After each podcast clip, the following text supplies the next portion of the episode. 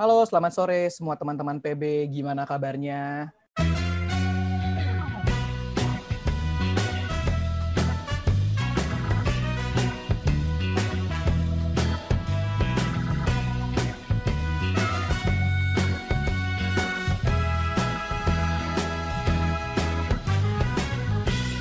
Bersama Todo di sini, kita bakal ngobrol-ngobrol soal beasiswa ke luar negeri.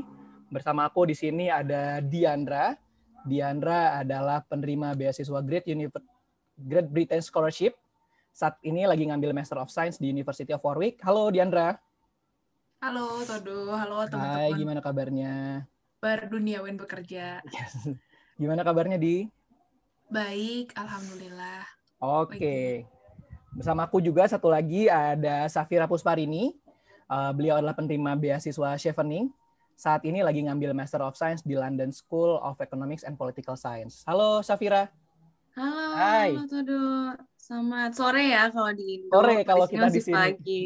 Oke, karena kita beda zona waktu berarti ya. Nanti juga teman-teman Iya. yang denger pasti mungkin dengernya ada yang pagi, siang, sore atau malam lah ya. Oke, paling aku nanti kita cerita-cerita dikit lah ya tentang teman-teman gimana keadaan di sana, untuk gimana dapat beasiswanya. Tapi sejauh ini boleh tahu nggak sih keadaan di UK saat ini saat pandemi ini boleh ceritain nggak mungkin dari Safira? Boleh, boleh. Karena aku di London ya, jadi kayak Hmm. emang um, ibu kota. Jadi kalau di um, UK dan England specifically, polisinya adalah emang lockdown sih. Udah lockdown dari awal Januari karena udah melampaui 50 ribu kasus deh Wow. pokoknya habis uh, tahun baru. Terus habis itu um, kayaknya pemerintah UK panik uh, ada ini kan kayak stream um, virus baru, mutasi baru, terus habis itu makin banyak kasus, ya udah diputuskan untuk lockdown. Tapi sebenarnya di lockdown ini aku merasa masih bisa uh, sedikit luasa karena masih bisa olahraga keluar, terus kayak masih boleh ketemu satu orang yang di luar um, household, terus aku masih bisa kampus juga meskipun sekarang makin ketat sih di kampus aku di LSI itu harus testing sebelum uh, masuk uh, kampus dan harus testing dua kali seminggu kalau misalnya mau menggunakannya setiap hari. Oh, ada testing dulu gitu sebelum masuk kampus. Iya, ya? disediain, Oh, disediain sama oke. LSI. Jadi harus booking tes rapid test gitu sih. Oh, oke oke. Kalau dari Diandra gimana di keadaan di kota kamu? Kalau aku di kota aku kan kayak mungkin ekivalen sama ah, kalau di Jawa, aku bisa mengkomparasi sama Jawa itu kayak Karawang. Jadi kayak an hour away from the capital. Terus udah gitu di sini karena originally kotanya sepi, jadi nggak begitu berasa perbedaannya Oh, antara uh, lockdown dan nggak lockdown gitu. oh, Terus udah gitu untuk ke kampus ini masih bisa, cuma beberapa uh, limited places banget. Dan sama kayak Safira, kalau misalnya memang mau akses kampus, maksudnya akses fasilitas kampus, kita disediain rapid testing gitu yang harus kita book sebelumnya. Gitu. Oh, oke. Tapi memang tes itu yang eh, penting banget untuk diambil juga lah ya buat sambil cek kesehatan gitu ya.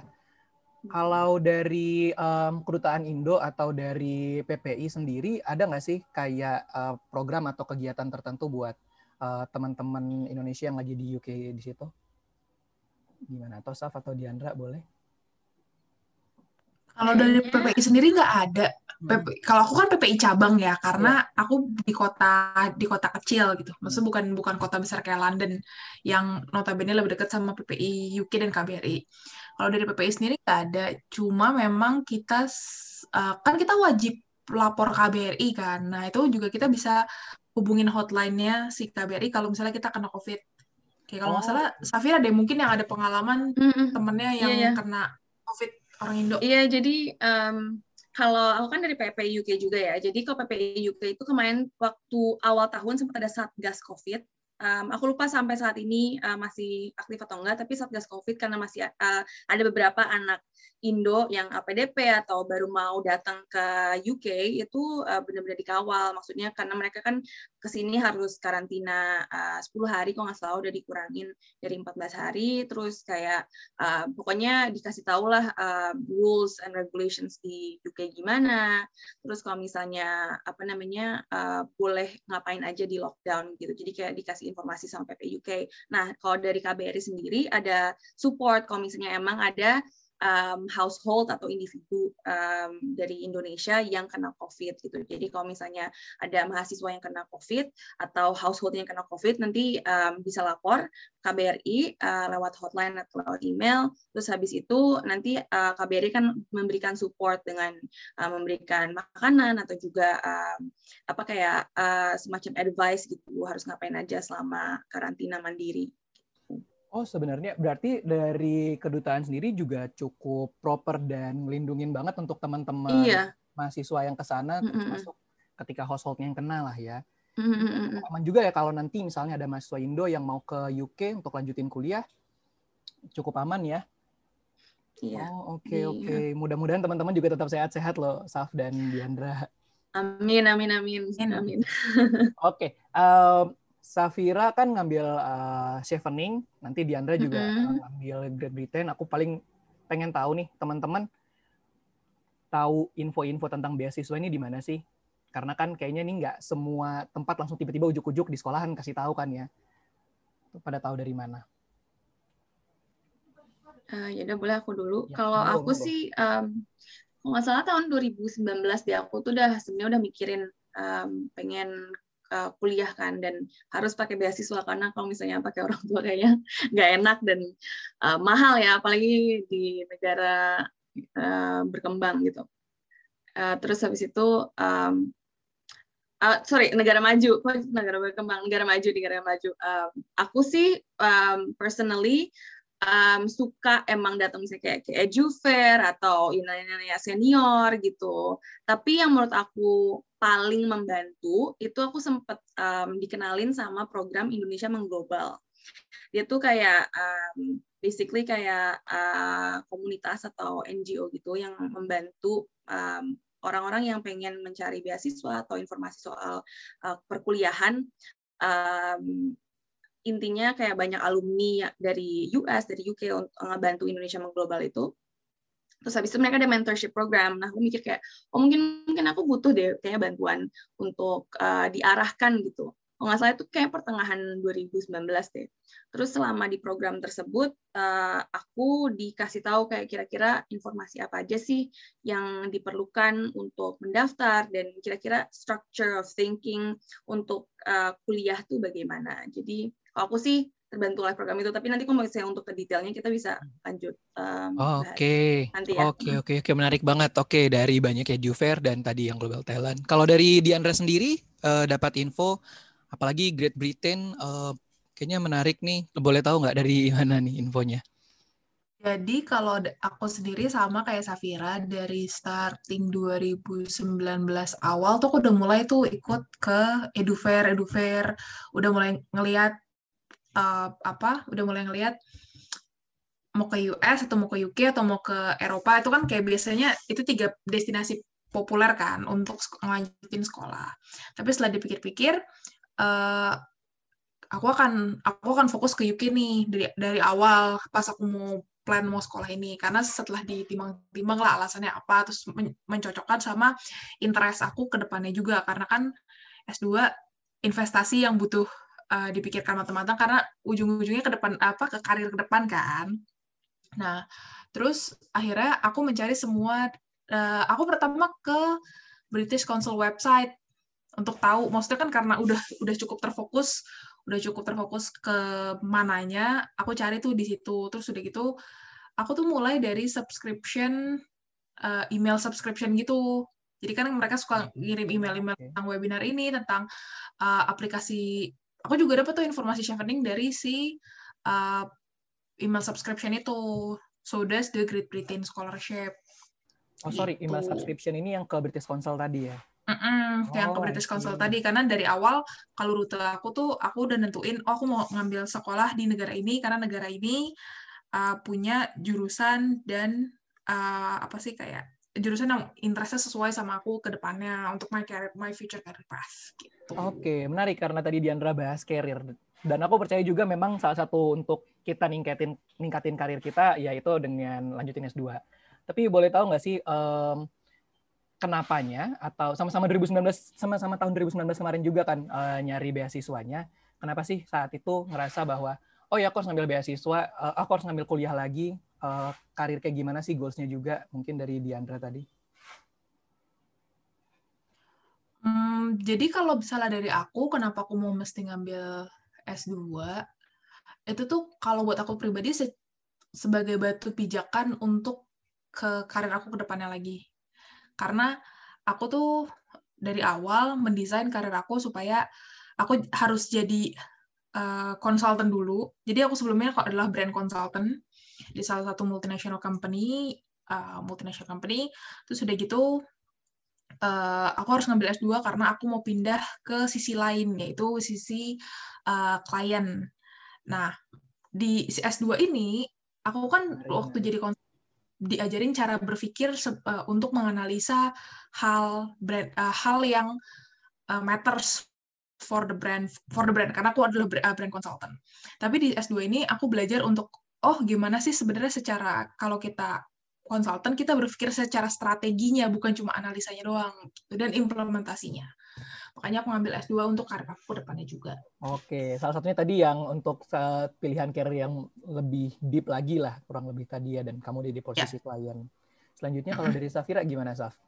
Kalau dari aku menarik sih, soalnya kan um, ya aku udah ikut Indonesia Mengglobal meskipun itu yang utama tapi sebelum-sebelumnya kan aku lulus 2017 ya jadi dari 2017 sampai 2019 itu aku emang udah kayak nanya-nanya gitu ke senior yang S2 karena obviously itu menurut aku udah path yang um, sangat jelas aku pasti akan S2 cuman nggak tahu kapannya kan waktu lulus uh, S1 jadi udah nanya-nanya jadi aku udah tahu soal LPDP dan chevening nah somehow chevening itu menarik perhatian aku karena itu lebih ke apa ya development of career dan dia tuh shaping future leaders Cuman salah satu um, requirement-nya adalah harus dua tahun minimal kerja. Jadi dari situ kayak aku tahu kalau aku nggak bisa ngambil shifting kalau misalnya langsung dari S1 ke S2 kan. Jadi aku harus ada pengalaman kerja. Dan sebenarnya aku juga pengen tahu gitu di luar dunia akademis uh, what's there to offer. Jadi aku ya udah aku coba kerja dulu dan um, dua tahun lah minimal gitu. Dan aku rasa 2019 kan udah dua, dua tahun ya dari aku lulus 2017. Jadi it was the right moment for me to pursue S2. Terus uh, selain benar aku setuju sama Diandra soal ini batu loncatan karir. Jadi apa yang udah aku pelajarin kan aku mendapatkan banyak ilmu di kerja. Cuman ada beberapa hal yang untuk berpikir strategis atau berpikir secara kritis yang bisa di uh, shape dengan uh, master's degree. Terus um, alasan kedua juga mungkin pengen break juga dari bekerja ya maksudnya enak sih.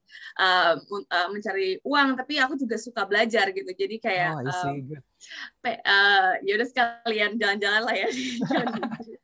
Oke oke oke oke. Tadi Safira juga kerja Diandra juga kerja kerja habis itu sambil nyari kuliah. Uh, itu nggak bakal gampang itu pasti akan ada ribetnya. Gimana sih cara kalian tuh manage? Uh, oke okay, 9 to 5 kan biasanya kerja atau bahkan 8 to 5 kerja gimana cara kalian tuh manage sambil nyiapin persiapan beasiswa atau sambil nyari info-info beasiswa? Mungkin dari Safira? Oke, okay. um, jadi ingat lagi tuh emang um, susah sih. Aku bahkan sebenarnya 9 to 6, 9 to 6, tapi lebih sering 9 wow, to 8. Okay. 9 to 8. Kayak karena aku dan sama kayak Anda juga kayak um, konsultan kan konsultan kayak yaudah ngikutin kemauan klien jadi kayak waktunya kadang suka nggak nggak pas aja dan sering lembur juga. Nah kalau misalnya untuk manage waktu memang um, aku nggak mau klise tapi emang if you really want something ya yeah, you make the time for it gitu.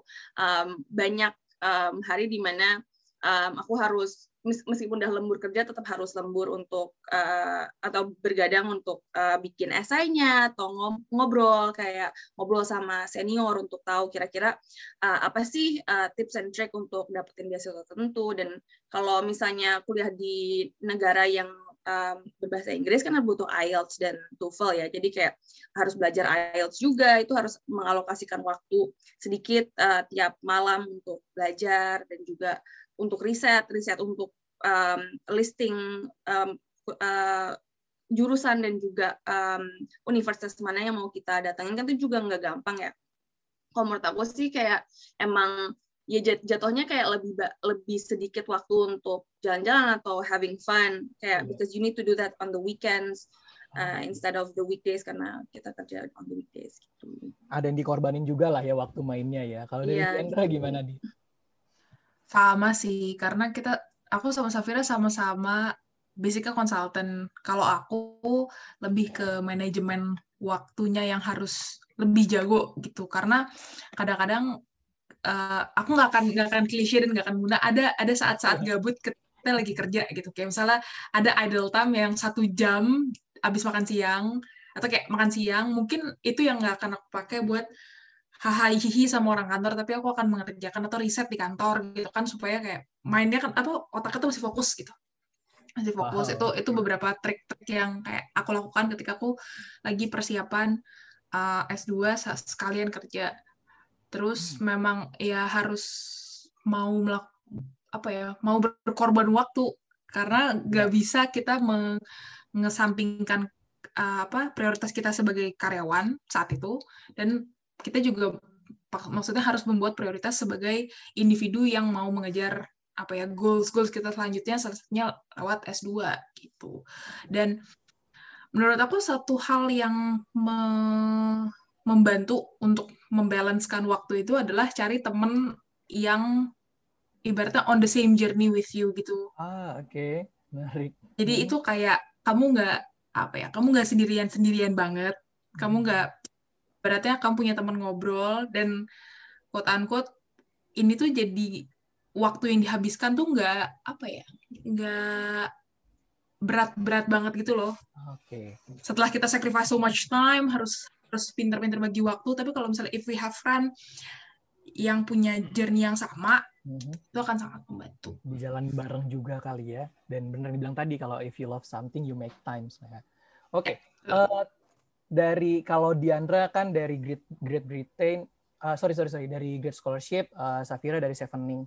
Eh, tadi kayak dibilang Safira eh, ada waktu-waktu tertentu nih untuk mempersiapkan hal-hal yang eh, dibutuhkan dalam beasiswanya. Aku boleh tahu nggak dari masing-masing teman-teman kan beda-beda jenis beasiswa apa aja sih eh, syarat-syarat awal-awalnya kayak persiapannya persiapannya apa dan apa aja sih yang dipersiapkan kayak mungkin esai atau gimana mungkin dari Safira untuk Chevening.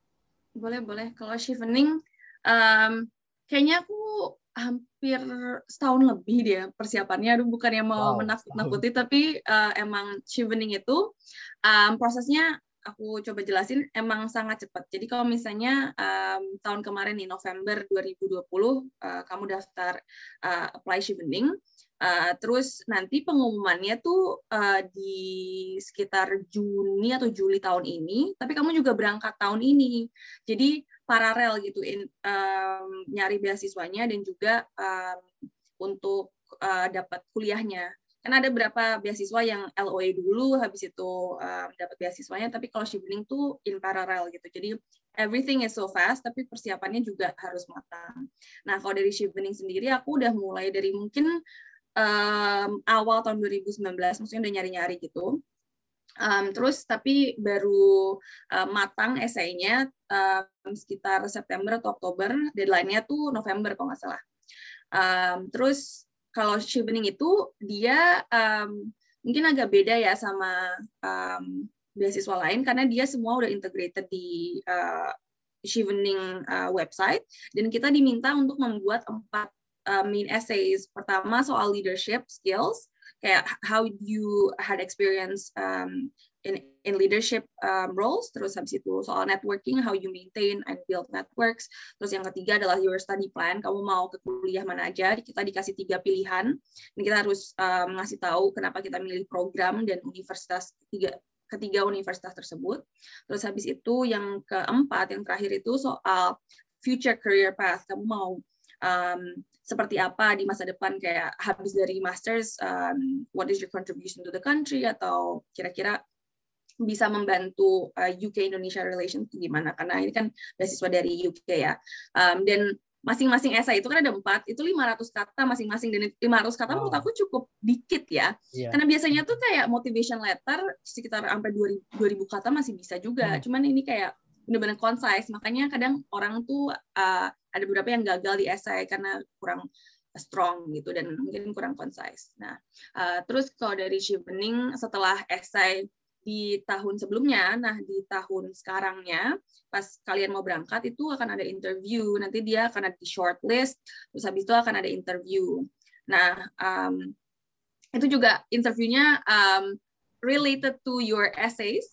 Jadi oh. nanti kayak apa namanya, um, kalian bisa um, ya udah building uh, more details gitu soal interviewnya. Jadi um, itu sih yang utama kayak essay dan interview. Cuman untuk um, lain-lainnya itu ada IELTS itu juga butuh uang kan IELTS tuh hampir 3 juta dan uh, tapi IELTS kalau di Shivering tuh bisa nyusul nanti nunggu nunggu di shortlist bah, uh, untuk uh, uh, ngasih IELTS-nya tapi aku kebetulan emang udah punya aja terus uh, sama recommendation letter kalau um, kayaknya preferably itu ada satu yang profesional dan satu hmm. yang um, academic oh itu yang recommendation letter itu ya Saf ya Iya iya itu pasti sih butuh. Tapi juga menarik sih si Chevening tuh itu nggak di awal kan biasanya orang di awal ya kayak ya, awal. Uh, IELTS uh, recommendation letter. Nah uh, recommendation letter tuh nunggu kalian di shortlist dulu. Nunggu di oh, shortlist terus baru kasih recommendation letternya. Obviously akan lebih baik jika um, udah ada sebelumnya. Hmm. Tapi kayak dalam prosesnya tuh Shivering memperbolehkan jadi kayak Boleh. nunggu di shortlist baru nanti dapat recommendation letter gitu. Oke, okay. dan kemarin semua itu jalannya online berarti Saf ya? Iya, ya semua oh. online. Interview itu harusnya in person ya di British hmm. Embassy. Hmm. Sebenarnya menarik banget uh, bisa ketemu langsung sama orang, tapi karena pandemi jadinya lewat Skype. Oh oke okay, oke okay, oke. Okay. Tapi boleh tahu nggak sih kayak ada standar minimal nggak sih kalau misalnya I don't know uh, mungkin IPK ada minimalnya atau mungkin IELTS minimalnya berapa kalau untuk yang teman-teman sini?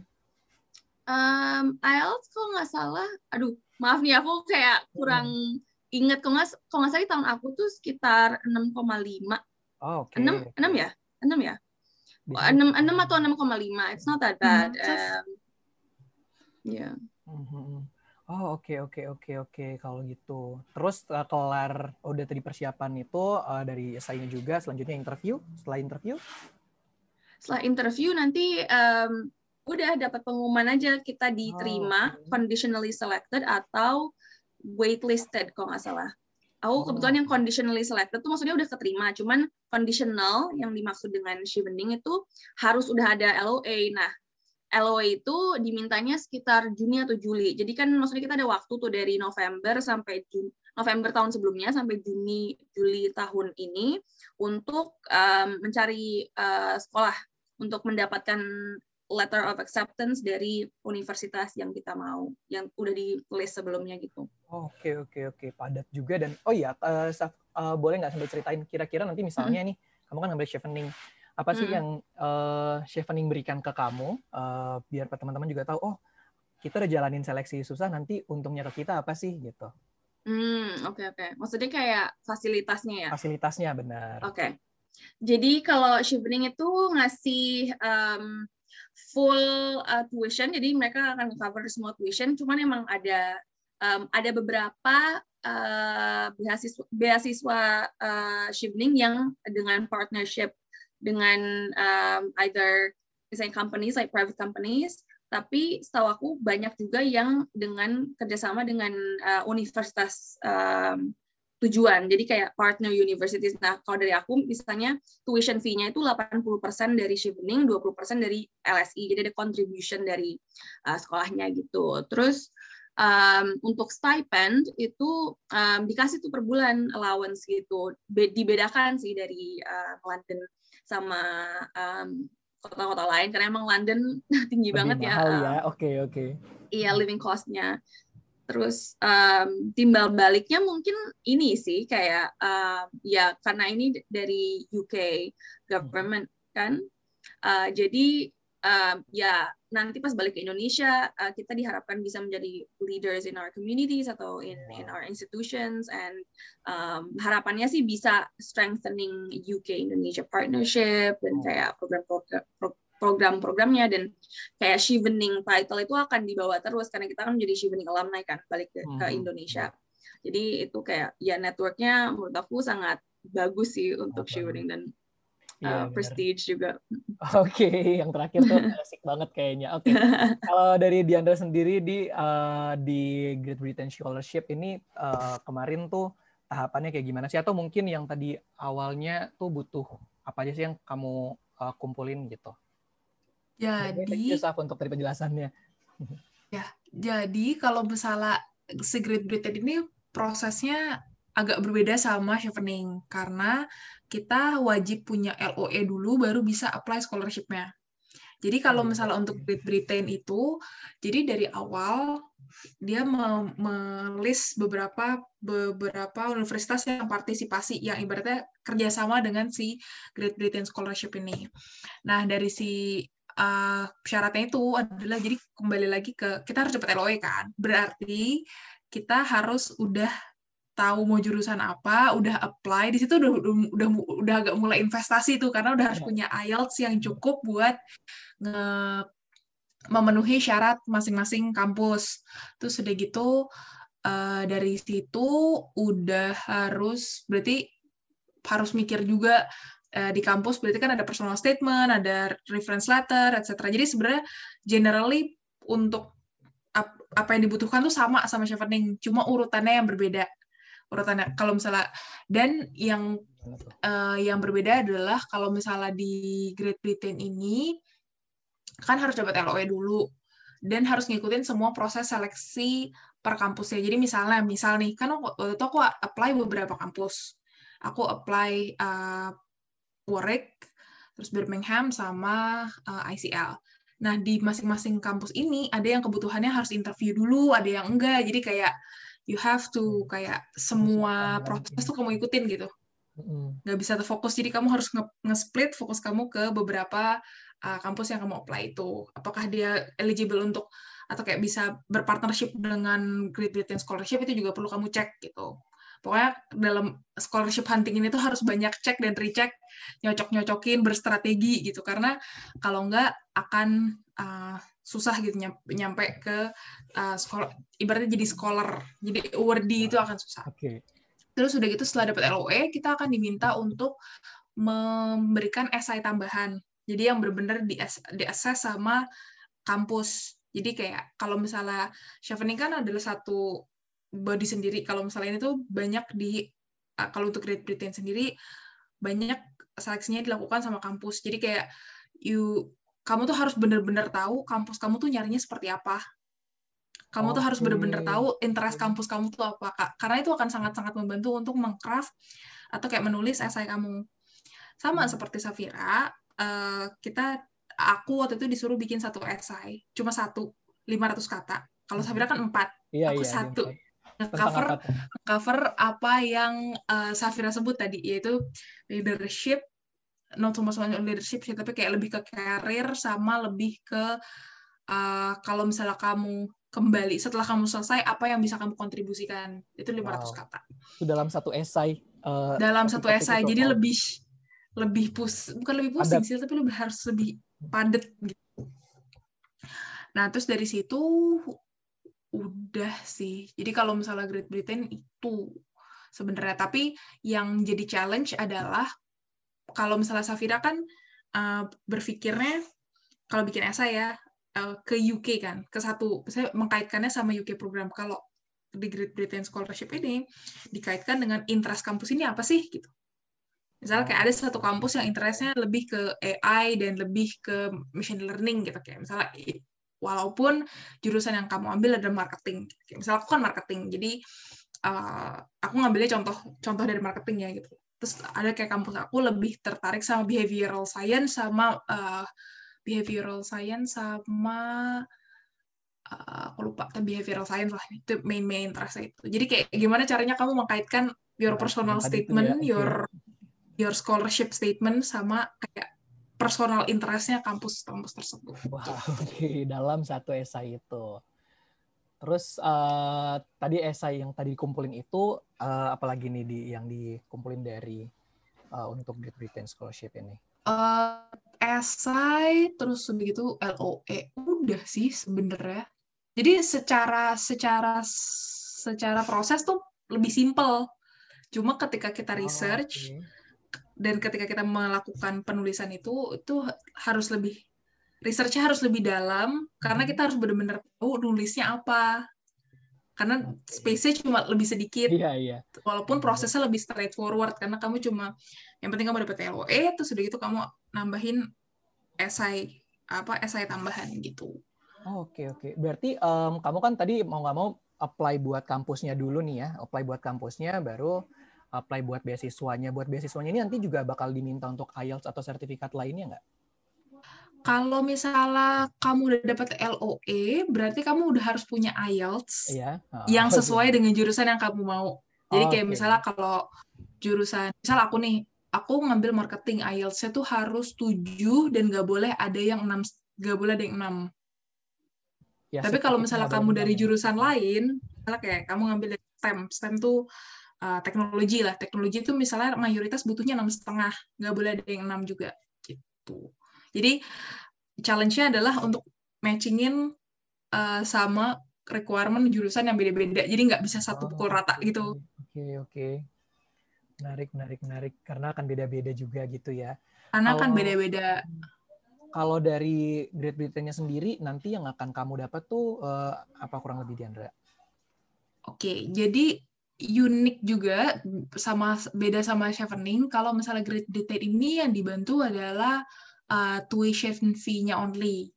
Dan itu pun uh, itu pun parsial. Parsial tuh kayak cuma sebagian tergantung sebenarnya di tingkat dibantunya tuh tergantung dari tuition fee masing-masing kampus dan jurusan yang kamu ambil juga gitu. Jadi kayak misalnya ada temen aku uh, kuliahnya di Glasgow sama-sama Great Scholars juga. Dia tuh bener-bener dibantu sampai 80% karena tuition Wow. fee-nya di cover apa tuition fee-nya dia tuh cuma sekitar berapa belas ribu gitu. Sementara kalau aku di cover sekitar 50 sampai hampir 60% karena tuition fee aku uh, sekian gitu, 20 20 ribuan gitu. Oh tergantung Nah, jadi di kampusnya juga ya tuition fee kampusnya. Iya, iya betul. Dan itu tuh sama kayak Safira juga, sama kayak Chevening. eh, ini tuh join antara British Council sama kampusnya. Jadi Oh, tergantung, oke. jadi masing-masing kembali lagi ke berapa persen yang dari British Council, berapa persen yang dari kampus gitu. Ah, menarik Tapi. Hmm. dan dan kita nggak dapat stipend. Tapi Hmm. di si Great Britain ini kita nggak wajib balik ke Indonesia. Oh oke, Ber- berarti bisa stay di Jadi situ kayak gitu ya. bisa stay di sini dan jadi kita tuh bisa apply yang namanya jadi sekarang UK UK government tuh punya path yang namanya eh aduh aku lupa namanya. Visa visa graduate route visa graduate route jadi setelah setelah kamu lulus kalau kamu sekolah di UK kamu bisa stay dua tahun di sini. Untuk cari kerja atau kerja-kerja yang masih non permanen kayak misalnya cari-cari kerja kayak part time atau intern gitu. Itu bisa untuk dua tahun. Nanti setelah dua tahun itu aku juga belum belum tahu banyak karena belum di roll out semua sama pemerintah UK Eh, itu eh, kita bisa perpanjang visa lagi untuk jadi kayak permanen eh, jadi apa worker jadi kayak worker di situ ya. Oke. worker di sini tapi harus ada company yang nge-sponsor Oh, jadi kayak kamu harus. udah selama Hmm. dua tahun ini kamu udah harus bisa mensecure satu job position permanen yang kayak oke dia adalah karyawan saya saya mau mensponsor dia dan visa apa uh, Oke. visa dia gitu dia nggak akan jadi gelandangan lah gitu. Iya, ada Karena dia juga kerja sama kerja di kita, sini. gitu. Iya, oke. Iya, Shivening nggak bisa tuh graduate route. Udah makanya Hmm. kayak aku lupa bilang um, timbal baliknya emang dua tahun minimal harus balik ke Indonesia. Oh iya, dua Ya. tahun minimal itu ya, iya iya. Mostly eh, kalau Great Britain bisa langsung dua tahun di sini di aja situ. gitu. Karena banyak banget beasiswa yang aku juga liatin eh, banyak eh, permintaan untuk balik dulu ke negara asal ya. Kalau kita ke Indonesia eh, sekitar dua tahun gitu ya. Oke oke oke.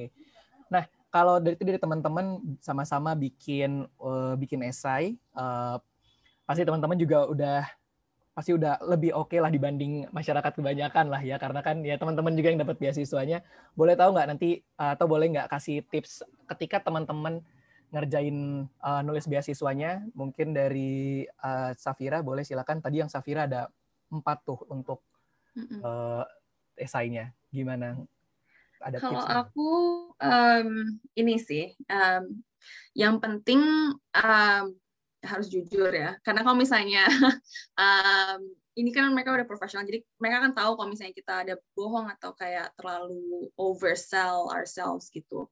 Em, kalau aku kemarin struktur esainya tuh em, ini apa namanya uh, banyak anak Chevening yang menggunakan ini S STAR uh, situation, task, action, and result.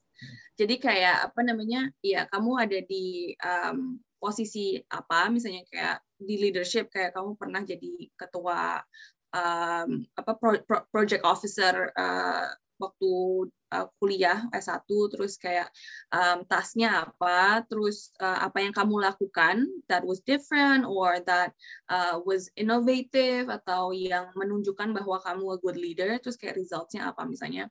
Kayak contohnya sih kemarin aku aku kan pernah jadi uh, project officer um, Indonesia Model United Nations waktu kuliah di UI terus kayak apa namanya aku kasih tahu um, the situation where um, apa namanya uh, banyak MUN yang udah beredar tapi apa yang membuat MUN aku stand out terus how I led um, 40 people to to manage this um, event terus kayak although there were kayak challenges along the way tapi resultnya adalah kita berhasil misalnya mengundang uh, the Hungarian ambassador of Indonesia to Indonesia ke acara kita terus kayak uh, banyak peserta dan kita juga manage to um, make innovations gitu. Contohnya aja kayak gitu sih.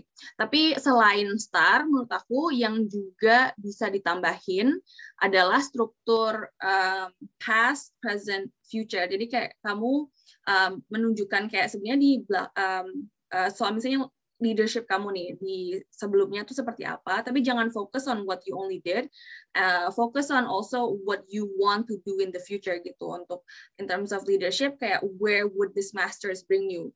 Kayak di aku kan aku belajar soal public policy and administration jadi um, meskipun um, judul esainya gitu leadership tapi make sure ada benang merah antara keempat uh, essay oh, tersebut kayak how will a master's degree help you develop your leadership skills, your networking skills, dan juga kayak bagaimana sih, uh, ken kenapa sih kamu harus banget masters itu menurut aku banyak yang uh, suka skip gitu. Jadi kayak oh mereka mereka uh, ngelis nih, uh, mereka leadershipnya udah ngapain aja, networknya ngapain aja, dan kayak uh, ke depannya oke okay, ada rencana. Tapi sebenarnya esensi kenapa Shivani ngasih um, scholarship ini particular adalah why do you have to get a master's degree and why does it have to be in the UK? Itu kayak justifikasinya tuh yang kadang orang lupa. Jadi kayak ya aku selalu tie into um, kenapa pengen master's adalah karena untuk build my career in the future dan again harus um, because this is a UK scholarship di di, di fund sama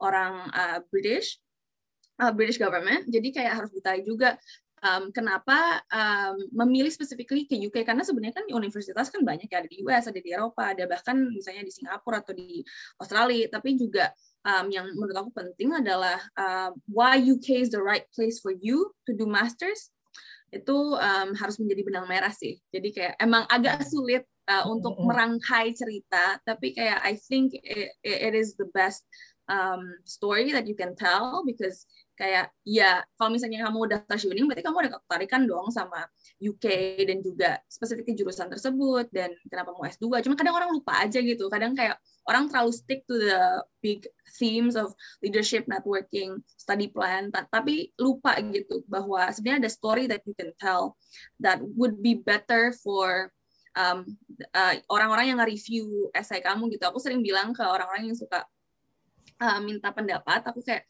make sure the essay itu kayak bisa membantu reviewer um, milih kamu dengan gampang gitu. Jangan bikin kayak um, um, too much information tapi kayak nggak ada benang merahnya. Jadi kayak make it easier for the reviewer to choose you gitu. Ah, oke. Okay. Salah satu yang paling aku highlight tadi kayaknya benang merah dalam satu esainya bahkan di keempat esainya juga harus kelihatan kurang lebih yeah. ya. Kalau dari Andra gimana Andra? Ada yang tambahkan coba gimana? Kalau misalnya dari aku, ya benang merah tuh penting. Kalau kejujuran sih, it, it should tell about you. It should tell about you. Okay.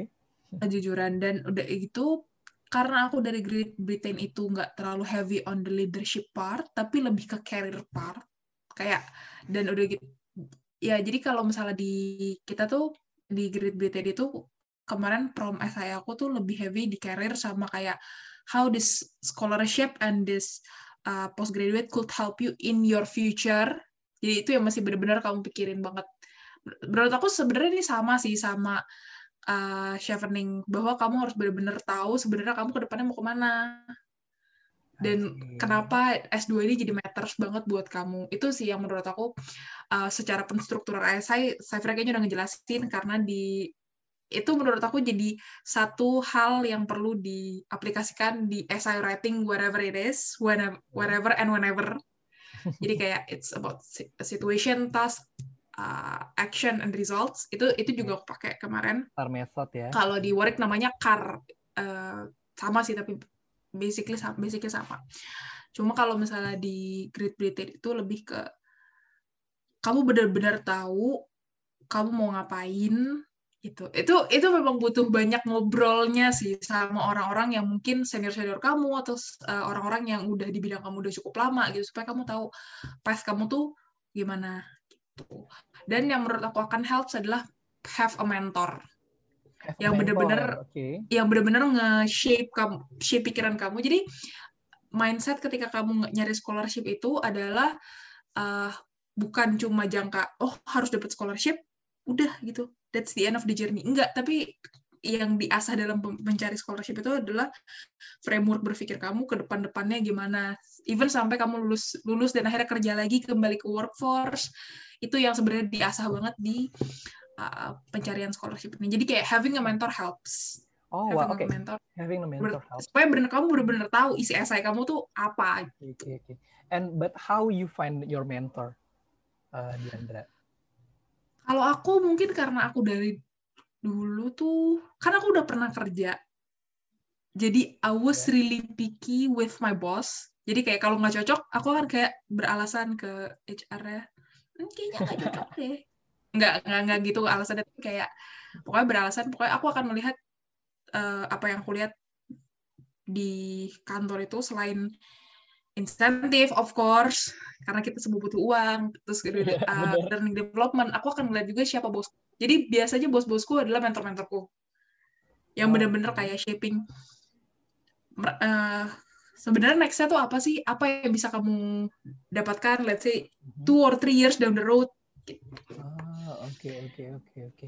Bener banget ya mentor tuh uh, penting banget untuk kita juga shaping karir kita bahkan termasuk tadi ngambil kuliah lagi juga untuk gimana ke depannya. Nah tadi aku ngenotes nih untuk tahapan proses-prosesnya nih agak ada beda dikit ya dari Great Britain sama dari uh, Chevening. Tadi di Chevening ada interview kalau tidak salah. Nah boleh ceritain nggak Saf interviewnya tuh uh, boleh nggak sih kita tahu kayak kisi-kisi apa sih yang mau ditanyain atau um, tips ketika ngadepin interview uh, untuk kamu ngadepin di Chevening? Boleh, boleh. Tadi aku sempat singgung dikit ya. Jadi sebenarnya interview um, Chevening kan setelah sorry um, di shortlist kan di shortlist dari yang essay terus kayak ada beberapa yang gak lolos tapi yang lolos um, shortlist itu langsung dapat interview. Jadi itu sebenarnya indikator sih. Jadi kalau misalnya kamu udah sampai ke tahap interview, berarti you did something right in your essays. Dan sebenarnya straightforward juga untuk Chevening tuh mereka bilang kayak yaudah interview is based on what you wrote in the essay gitu. Jadi kayak um, pertanyaan yang nggak uh, benar-benar sama, tapi akan seputar itu. Jadi mereka akan kayak um, apa tuh namanya? Um, menelaah lebih lanjut kayak deep diving into details gitu. Jadi kalau misalnya leadership nih kan kemarin uh, misalnya di essay kan ditanya uh, how did you demonstrate leadership skills, what worked, what didn't. Nah pertanyaan di interview itu contohnya misalnya um, have you been uh, have you ever been faced with a problem um, during your leadership um, experience where you had like differentiating opinions terus kayak how did you deal with that gitu kayak. Jadi kayak lebih ke um, kita bisa balik lagi ke essay tapi kayak kita kan harus ngejelasin tuh kayak apa sih challenges yang kita temuin terus how do we deal with uh, differentiating opinions atau misalnya challenges tertentu gitu. Terus apa namanya ada juga nih misalnya um, kan ada uh, essay soal study plan ya. Nanti bisa juga ditanya kayak selain um, uh, mau belajar kayak what are you planning to do in the UK gitu. Kadang bisa serandom itu bisa kayak um, kan kita ke UK nggak cuma buat belajar kan kayak tadi aku bilang kayak jalan-jalan. Karena emang yeah. salah satu tujuan um, Chevening Scholarship ada emang juga untuk um, apa ya mempererat hubungan. Dan a part of that is about tourism and about entertainment. Jadi kayak itu juga penting gitu. Um, jadi kalau interview questionsnya sebenarnya untuk uh, Shivening um, kayak udah ketebak gitu sebenarnya apa yang mau ditanya. Cuman kan gimana kita mengemas itu. Kayak lagi-lagi balik kayak yang aku bilang uh, soal essay benang merahnya apa. Kayak what makes you uh, an interesting person and why do you have to uh, do master's degree? Kayak justifikasi kenapa kita harus S2 justifikasi kenapa harus di Inggris itu penting banget karena untuk yeah. menunjukkan bahwa kamu tuh emang pengen banget ke Inggris gitu loh bukan hanya hmm. orang yang kayak oh sekadar nyari beasiswa karena buat kuliah tapi mereka harus benar-benar melihat passion kamu untuk kuliah di Inggris spesifiknya ya untuk Shivening. Terus yang ketiga itu menurut aku juga harus dipikirin juga saat interview adalah gimana mem, um, mengemas cerita agar um, apa ya menarik bagi interviewer karena mereka kan di sini ngebantu anak orang Indonesia ya untuk kuliah di Inggris. Tapi juga harus pikirin timbal baliknya apa. Nah juga jangan lupa kayak um, diselipin gitu untuk di di setiap jawaban tuh uh, bukan hanya menjawab misalnya what are your leadership experiences? terus kamu ngelis kayak CV kamu tapi link back lagi link back lagi ke kamu nanti pas balik ke Indonesia tuh um, mau ini loh jadi leader in di misalnya di kementerian atau apa. Terus kayak uh, apa namanya ada beberapa program UK Inggris yang menarik perhatian kamu gitu. Contoh aja nih contoh aja. Uh, tapi kayak um, jangan sekadar menjawab pertanyaan as it's um, asked tapi kamu juga harus um, mencoba untuk memikirkan struktur yang bisa um, menunjukkan bahwa kamu nih a beneficial asset for the scholarship wow, gitu. karena nanti kan kamu akan bawa nama Shivening akan hmm. apa namanya menunjukkan bahwa ya kamu uh, bisa lah jadi kayak diplomat-diplomat mini gitu untuk uh, antara UK dan Inggris gitu jadi kayak itu sih kalau tips aku untuk Shivening Oh wow, oke okay, oke okay, oke okay. ya menarik banget sebenarnya tips interviewnya juga kita kaitin lagi nanti sama uh, esainya. Nah, uh, ini aku aku pengen nanya sebenarnya ini takutnya malah jadi kayak penjelasan nanti teman-teman isainya. Why UK? Kenapa teman-teman tuh memilih UK? Mungkin dari Diandra. Maksudnya kan dari banyak negara akhirnya kamu di UK gitu. Oke. Okay. Oke. Okay. Kalau dari aku sendiri alasan paling praktikalnya adalah sekolah di UK itu cepat tahun. Oh, tahun ya. Oh iya iya Ya, okay. sekolah most of UK masters itu cuma setahun. Itu itu alasan terpraktikal lah gitu. Tapi alasan kedua eh, alasan keduanya adalah karena ini di Inggris. Inggris tuh kayak gede banget dan banyak banget yang bisa dilihat, banyak banget yang bisa dieksplor. Uh, gak mesti ke mana-mana, misalnya gak mesti ke, ke negara sebelah gitu atau ke mana gitu. Di Inggrisnya aja gitu Untuk ya. bisa mengeksplor Inggris. Tapi yang paling yang maksudnya yang kayak kalau alasan kayak gitu kan banyak ya Amerika juga ada yang satu tahun atau Belanda juga ada yang satu tahun. Tapi alasan yang benar-benar nggak track aku ke UK adalah jadi ada jurusan yang benar-benar meets my needs gitu. Jadi kayak kampus di I think in general uh, edukasi pendidikan itu adalah satu hal yang benar-benar penting di UK even di lockdown ini yang diutamakan sama perdana menterinya sekarang adalah gimana caranya mereka bisa buka sekolah dengan safe dan itu jadi kayak prioritas utamanya gitu. Makanya uh, sekolah pendidikan di UK itu benar-benar diverse dan benar-benar punya banyak uh, jurusan-jurusan uh, yang kayak spesifik gitu. Nah, karena UK mengoffer satu jurusan yang benar-benar sesuai dengan aspirasi aku ke depan, makanya aku akhirnya memilih kayak oke okay, uh, UK terus specifically kenapa Warwick Business School. Jadi aku kan kayak University of Warwick di departemen Warwick Business School kan, ambil marketing and strategy. Itu kayak bener-bener dijelasin secara detail, even ketika aku, jadi di awal tuh aku dari awal udah ngincar si Warwick Business School ini, aku udah komunikasi terus sama orang uh, admissionnya gitu. Kenapa aku harus milih itu? Dan mereka kan dengan happy gitu, dengan dengan senang menjelaskan, oh kita mau dulu gini gini gini gini gitu. Jadi kayak itu yang bener-bener akhirnya kayak oke okay, UK. Oh asik banget Tapi ya kan, karena dari pihak administrasi kampusnya juga bisa kooperatif untuk ngasih tahu keunggulan. Ya, ya, ya betul. Jadi kayak kita yang udah punya interest terus dijelasin, terus makin kayak kita engage in conversation akhirnya jadi kayak oh iya iya I think this is the the right one for me Oke oke bener banget sih karena kita nggak hanya sekolah di sana tapi kan berhubungan di sana juga penting lah ya dan orang-orangnya apakah informatif atau enggak itu bisa banget bantu kita untuk kita milih sekolah di sana. Kalau dari Safira sendiri, ya. Saf, kenapa milih ini UK, Saf? Kalau aku boleh um, melanjutkan Diandra, emang pragmatisnya karena satu tahun dan aku kayak oke okay, aku mau sekolah cuman kayaknya cepat aja gitu kayak biar bisa balik ke karir lagi. Terus uh, yang kedua juga masih pragmatis karena aku pengen jajan ke Eropa jadi uh, deket kan. Kalau misalnya ke US jauh. Dan jauh, ini kayak ini convenient gitu meskipun sekarang nggak bisa sih tapi kayak ya udah nanti mungkin summer I don't know. Hmm. nah yang ketiga tapi yang lebih substantif adalah aku tuh emang pengen banget ke LSI ya. Kayak LSI itu dibandingin uh, sekolah lain dia tuh spesialis gitu. Jadi kayak ada beberapa kayak Universitas Oxford atau Cambridge tuh mereka lebih generalis gitu. Nah, LSI itu emang specifically uh, ya sebagaimana namanya emang uh, very focused on economics and political science. Nah, social policy program mereka itu salah satu yang terbaik di dunia. Bahkan 2019 mereka yang terbaik di dunia.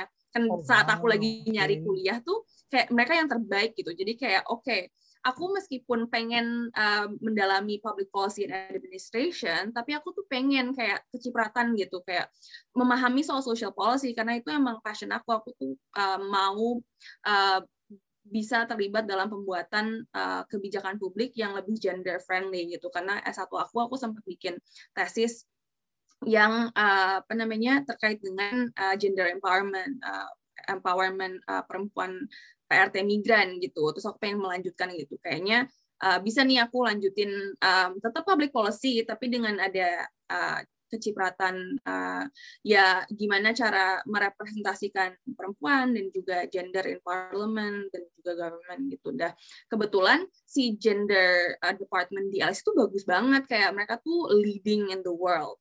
Jadi kayak aku um, sangat senang karena aku berhasil masuk ke salah satu modul atau uh, kayak uh, kelas gitu yang emang she is the leading uh, feminist scholar in the world gitu Naila Kabir. Jadi kayak meskipun uh, jurusan aku tuh sangat uh, ini ya sangat uh, general, tapi aku bisa mengambil specialism yang emang spe uh, apa namanya yang bisa di offer oleh LSI gitu hmm. loh. Dan kayaknya cuma LSI yang bisa um, menawarkan karena aku kan waktu masih nyari-nyari beasiswa kayak ngelist apa aja um, jurusan dan juga universitas yang aku bisa datengin. Nah kebetulan yang bisa offer apa yang e emang pengen aku dalami itu cuma LSI dan ya LSI obviously di UK ya, gitu. Okay. Um, gitu sih. Ah menarik menarik menarik. Uh, nah aku tadi coba ngerangkum uh, dari teman-teman teman-teman juga nyari uh, untuk beasiswanya mulai dari ikutin EduFair, bahkan tadi juga Diandra ikutin subscription email untuk tahu uh, seminar-seminar atau acara-acara tentang uh, beasiswa atau tentang kampus luar negeri. Salah satu tadi juga yang aku paling penting adalah memiliki mentor untuk bisa shaping career, bahkan termasuk juga untuk akademik. Lalu mulai dari tesnya, teman-teman memang harus research lagi untuk mengenai kampusnya butuhnya seperti apa, uh, penyelenggara beasiswanya butuhnya kayak gimana, terus juga persyaratannya, lalu juga benefitnya yang teman-teman dapat juga uh, harus dicek lagi, harus diriset lagi gitu. Dan banyak banget yang teman-teman bisa sampaikan. Thank you banget Safira dan Diandra untuk apa yang disampaikan uh, pada hari ini. Mudah-mudahan nanti bisa juga menjadi referensi buat teman-teman yang mencari sekolah dan mencari beasiswa, baik ke dalam negeri maupun ke luar negeri. Mungkin untuk menutup uh, sesi kita uh, pada hari ini, aku boleh minta ini nggak sih kayak pesan dari Diandra dan Safira untuk teman-teman yang lagi uh, nyari beasiswa, pesan atau tips uh, do or don'ts yang kira-kira mereka perlu tahu. Mungkin dari Diandra. Kalau do and don'ts, hmm, oke. Okay. Aku nggak akan pakai yang framework do and don'ts, tapi kayak please aku mohon treat di scholarship journey as kayak uh, momen di mana kamu mencari jati diri kamu lagi. Karena ini bukan cuma sekedar dapat beasiswa dan sekolah tapi ini akan affecting your future in the apa kayak your future in the long run gitu kayak masa depan kamu secara di jangka panjang gitu. Jadi treat this scholarship hunting sebagai kayak momen di mana kamu mempertanyakan diri kamu sendiri kayak ngapain sih ngapain mau ngapain. Dan don't be afraid to ask around. Jangan nggak ada pertanyaan bodoh. Ini itu pertanyaan ini adalah satu hal yang aku dapat di UK adalah tidak ada pertanyaan bodoh. Just ask around just share whatever you have in mind the idea. Jadi jadi kayak be critical in your thinking. Karena itu yang akan membantu kamu untuk bukan cuma dapat scholarship-nya tapi juga bertahan ketika kamu sudah di sekolahnya gitu. Karena getting the scholarship is one part, but surviving the school is another part, the bigger part of it. Oke, okay. menarik, menarik, benar, benar, benar. Oke, itu dari, dari aku. Dari Diandra, thank you Diandra. Kalau dari Safira? Iya, aku sebenarnya setuju banget sama Andra karena um, gini, kalau misalnya nyari scholarship orang uh, pengen nih, of of course, kayak mau dibiayain. Tapi menurut aku yang paling penting adalah um, coba uh, use this opportunity to look in yourself kayak um, apa namanya kamu tuh sebenarnya mau apa kalau misalnya mau S2 karena teman-teman kamu S2 atau ke bawah pressure itu malah menurut aku kayak it's not worth it karena um, waktu aku lagi nyari beasiswa dan juga universitas, aku tuh benar-benar nanya ke diri aku sendiri, why am I doing this? Am I doing this for the right reasons? Karena kalau misalnya nggak melakukan untuk the right reasons, either kayak um, setengah hati uh, nyari universitas yang bikin esainya juga kayak ala kadarnya hanya untuk mendapatkan pembiayaan. Tapi kayak dari teman-teman aku di Shivering aku tuh melihat kayak each one of us has their own passion. Dan kayak emang tahu sebenarnya tuh S2 ini bukan goalnya ini cuma stepping stone gitu. Kayak goalnya tuh lebih besar uh, di sana gitu in the future. And you know what you want. And S2 tuh hanya sebagai apa ya kayak tools untuk kamu mencapai uh, um, tujuan hidup kamu yang lebih besar gitu. Ini ini ada agak-agak eksistensial, tapi kayak menurut aku tuh penting banget um, menggunakan proses ini untuk kayak mengenali diri kamu sendiri, kayak pengen apa, what do you want to get out of this S2 atau beasiswa dan make sure bahwa itu memang align dengan apa yang kamu mau karena sebenarnya menurut aku yang biasanya mendapatkan beasiswa dan juga um, jurusan atau program yang mereka mau itu emang mereka yang emang passionate about uh, this particular thing. Emang they really want it and it's something that um, apa ya menambahkan added value gitu bukan hanya sekedar untuk um, kuliah aja atau um, ya udah melakukan it for the wrong reasons gitu. Jadi um, aku setuju dengan Diandra. This is a very um, fulfilling process sih menurut aku yang kayak mulai dari hal kecil aja tanya kayak butuh nggak sih S2 kayak ini apakah akan mendekatkan kita dengan tujuan kita yang lebih besar atau enggak? Kalau misalnya enggak ya udah kadang ada orang yang kayak pengen S2 karena ya cuman karena mereka merasa harus tapi sebenarnya kayak mungkin mereka nggak harus gitu loh. Jadi um, ya be kind to yourself and know yourself better. Oke, okay. thank you Safira dan Diandra untuk kesempatannya. Udah mau berbagi dengan teman-teman di Perdunian Bekerja. Terima kasih sekali. Um, akhir kata dari aku, selamat sore. Terima kasih untuk kesempatan teman-teman. Selamat kembali ke aktivitas masing-masing. Semoga tetap semangat dan tetap sehat untuk kita semua. Thank you.